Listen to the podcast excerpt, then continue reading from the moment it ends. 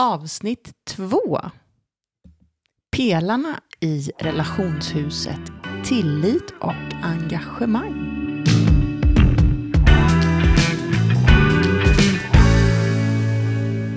Det är någonstans här som paret Gottman bygger, utgår relationshuset ifrån. Vad betyder då tillit, om vi börjar med den? För mig betyder det att jag litar till att du vill mig väl, långsiktigt. Och relationens väl. Och att jag ska lita på att du vill mig väl. Ja, och alltså bara att, att kunna lita på sin partner.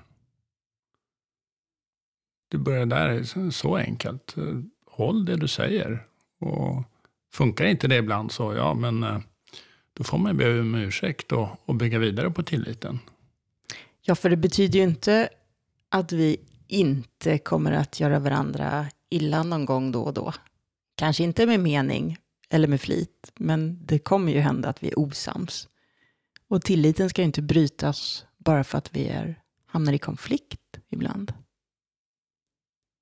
Då blir ju tilliten också att tilliten till att vi kommer att kunna reparera och eh, komma tillbaka till en bra plats igen efter bråk och meningsskiljaktigheter. Ja, och lita då, som jag sa, tillit till att du vill mig väl. Att du vill vara i relationen. Så därför litar jag på att även om vi, jag markerar, här är min gräns eller vad det nu kan vara. Så har jag tillit till att vi löser det. Att vi vill vara tillsammans. Så tillfälliga små stopp är, är att förvänta sig, men eh, man ska ha en sån långsiktig tillit att, att man vet att man kommer igenom det där. Ja, för de där små stoppen på vägen, de gör ju också att man kan skapa mer tillit, tänker jag. Att de, ja, ja träning. Ja, de blir som små träningspass på vägen.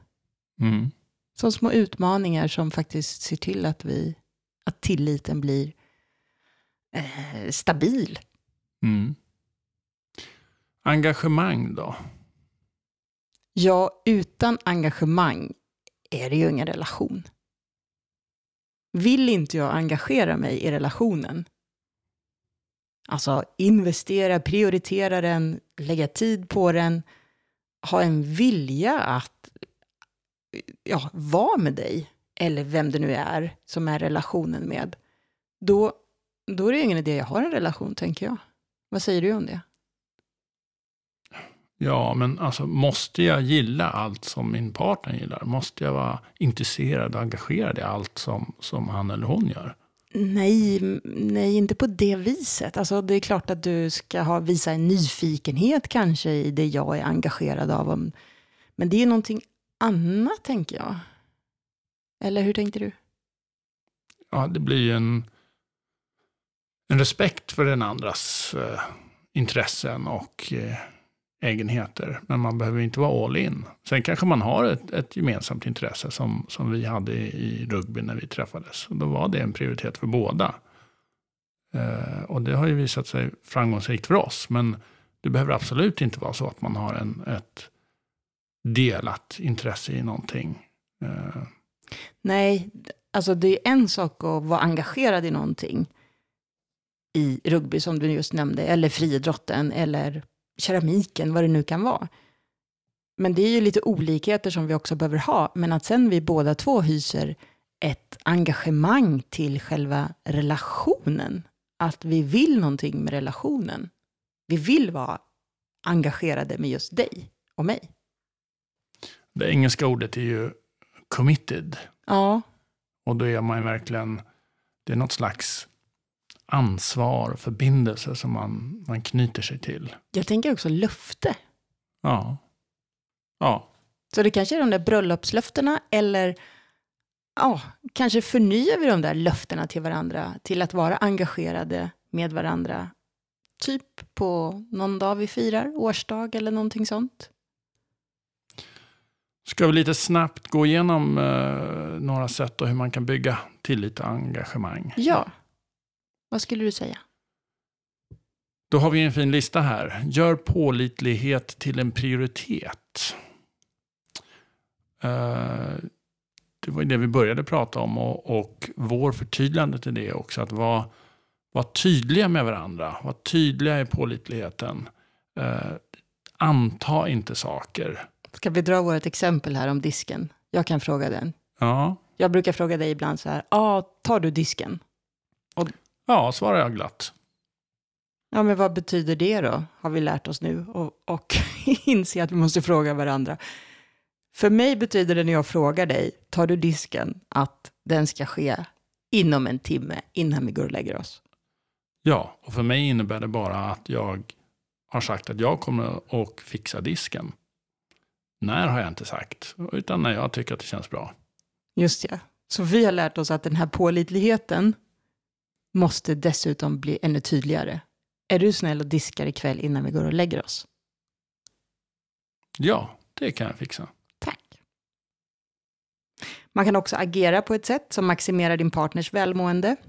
Alltså agera, inte bara skriva små lappar, vilket också är fint, men också göra saker som gör att din partner mår bra. Som ett sätt att skapa tillit. Och så byggs det här, som vi ibland pratar om, små saker ofta.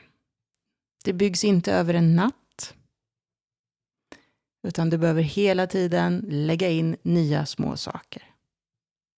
Om och om igen och visa att du är en pålitlig part i den här relationen. Både i agerande och i ord. Ja. Allt vägs in, både stort och smått. Sen ska man undvika negativa jämförelser? ja. Och det är ju det här klassiska, brukar jag tänka då, då gräset är grönare på andra sidan. Ja, kan inte du vara som han eller hon? Ja, Om det bara var så, så Ja. skulle jag bli jätteglad. Precis, men det funkar inte. Det bryter ju ner både tillitet och engagemanget. Så du behöver, ja, kommer den tanken in, så tro inte på den. Ta dig därifrån och kanske ta hjälp att ta dig därifrån. Jag skulle säga att den delen är en av de svagheterna som vi har ibland. När vi hamnar i den negativa jämförelsen, då är vi dåliga på att ta hjälp av varandra för att ta oss därifrån. Och det tar oss till den sista punkten då, att man ska generera frekventa tankar och handlingar som, som uppskattar din partners positiva sidor. Och det kan ju räcka med att jag tänker det om dig. Ja, och vill man dela med sig så är det fint också. Men det börjar i den egna attityden. Att eh, min partner gör bra grejer och jag gillar det och jag gillar henne och jag gillar sättet hon gör saker på. Vill man dessutom dela med det så är det ett fint litet arbete också som säkert uppskattas. Yes. Det var allt om pelarna i relationshuset. Nästa avsnitt handlar om den första våningen.